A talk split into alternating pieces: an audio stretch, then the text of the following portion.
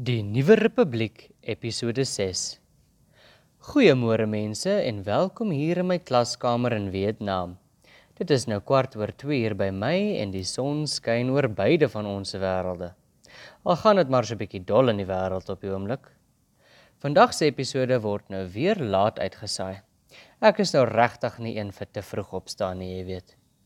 Ek wil net graag begin deur my ondersteuning te deel met ons amazing aktiviste wat leiding neem in Suid-Afrika. Daardie gebrul op die hoofie maak my hart sommer warm en ek sien dat die mense elke dag bietjie meer wakker skrik. Indien ons genoeg mense kan oortuig om 'n referendum te ondersteun, kan ons miskien nog voor die volgende verkiesing feesvier. So vir meer inligting daaroor, besoek asseblief ulacongress.com. Dit is u l a c o n g r e s s.com.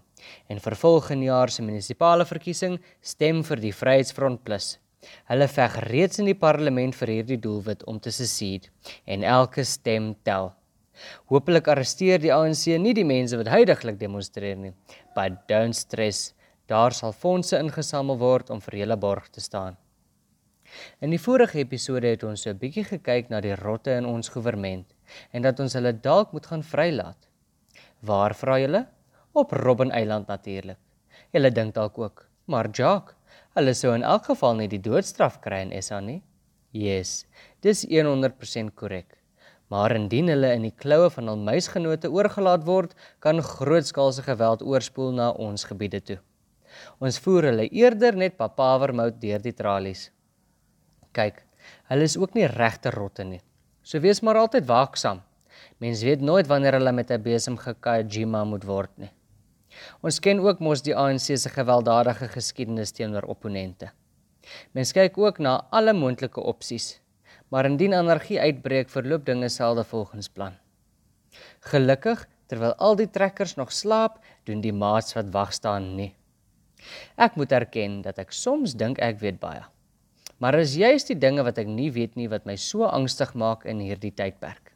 Byvoorbeeld, ek glo nie die meeste mense het op Donderdag 31 Augustus 1939 gedink dat Vrydag die 1 September die begin sou wees van 'n 6 jaar lange konflik wat opwaarts van 100 miljoen mense se lewens geëis het nie.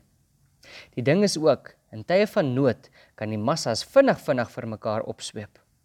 Gelukkig is ons politieke opponente, sover ek weet, nie so goed bewapen of bevoegd soos die Duitsers van ouds nie. Maar dit bly steeds belangrik om nie ons opponente te onderskat nie en level-headed te bly in die tye wat voorlê. En alhoewel ons baie fancy lyk like deesdae, moet ons nie dink dat moderne mense slimmer is as vorige generasies nie.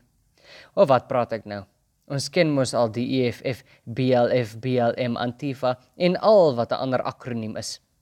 Ek het self 'n paar oulike kort woordjies wat ek graag sou wou gebruik om na hulle te verwys. Maar ek probeer aktief om minder te vloek. Daarom verwys ek eerder nou terug na my vorige episodes waar ek gepraat het oor laartrek. Dit is ook in Engels, want vrede en veiligheid is vir almal beskikbaar. Kyk, 'n persoon wie ek nogal hoog ag is generaal Isak van Sail. Gaan kyk asseblief na sy video's op YouTube oor die Boerlegioen. Hy is 'n man wat nie net praat nie, maar ook iemand wat doen wat hy sê. Dis 'n ongelooflike voorbeeld vir hierdie jong boertjie. Die Boerlegioen lei enige man, vrou of kind op om homself vol gesin, eiendom en gemeenskap te kan beveilig. Iets wat ek graag wil gaan ondersteun sodra ek in Suid-Afrika land, aangesien ek nooit geleer het om myself fisies te kan verdedig nie. Gelukkig kan ek 'n wapen gebruik alhoewel ek nie heidaglik een besit nie. Die kans dat 'n volskaalse burgeroorlog kan uitbreek is nogal groot. Ek hoop altans dat ek verkeerd is wat dit aanbetref. In my vorige episode het ek die saak gestel om te trek. Maar ek verstaan wel dat nie almal kan nie. Daarom sou ek voorstel dat indien mense trek, hulle eerder na moederdorpe toe trek waar hulle hulself as Afrikaner meerderheid beter kan verdedig. Indien jy dit nie kan doen nie, bly dit steeds belangrik om binne jou dorp aan te sluit by 'n buurtwag of beter nog by die boerlegioen se verteenwoordigers in jou dorp. Die demografiese statistiek van elke dorp is op Wikipedia beskikbaar indien jy meer inligting daaromtrent wil gaan soek. Kyk. Die kind in my wens dalk dat ons net kan trek en al hierdie dinge sal sommer net van self beter raak. Maar diep in my hart weet ek en moet ook aanvaar dat die enigste manier om hier uit te kom is om ons man te staan. Ek moet ook erken, ek is bang. Ek is bang vir my ma se part, die van my susters, hulle kinders, my oumas, my familie, my vriende en ek is ook bang vir my part. Ek's maar net 'n mens. Ek het ook besef dat ek in 'n motorfietsongeluk kan doodgaan, maar kan wel op baie ander maniere ook. So nie langer lewe ek in vrees om oorrompel te word in my eie huis nie. My lot word beslis deur die Here en dis juis vir hierdie rede dat ek bereid is om my man te staan en my plig as kleinseun, seun, broer en vriend na te kom binne wet en orde. Baie mense glo my dalk nie. En dis reg, hulle hoef nie. But just tell them when you saw me, I was on my way. Ek bid net dat niks gebeur voor middel Oktober nie, want ek het nog ander pligte om na te kom voordat ek kan teruggaan Suid-Afrika toe. En ek wil graag aan hierdie kant ook totsiens sê.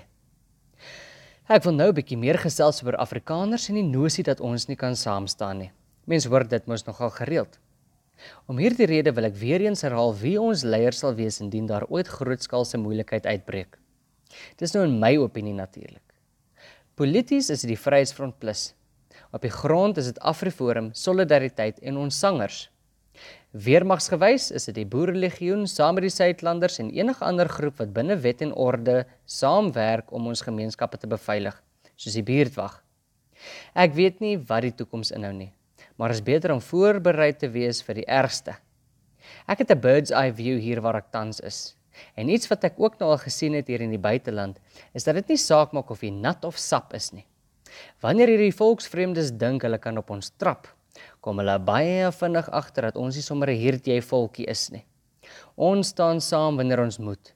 En sodra die wêreldekonomie ineenstort, sal ons soos een man kan opstaan. Hierdie is in ons ingedrul in ons amazing Afrikaanse skole. Dit is subconsciously in ons ingeprogrammeer. Ons daag dalk nie altyd op vir interhuis nie, maar 'n classic clash word nie gemis nie. Kyk dalk eerder so na ons situasie.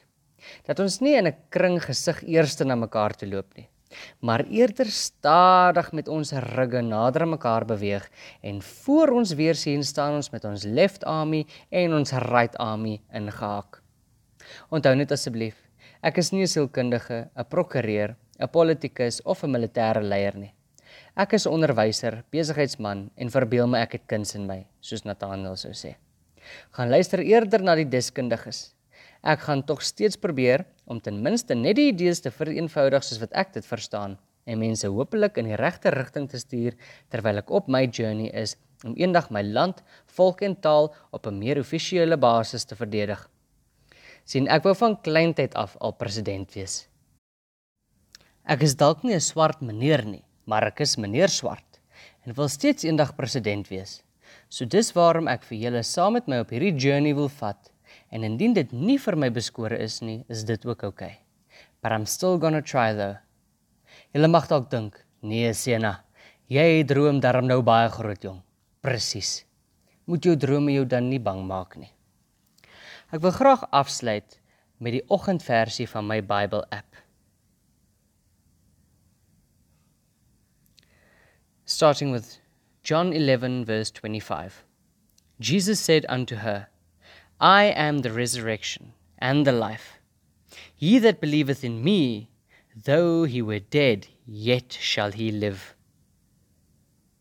The inspiration.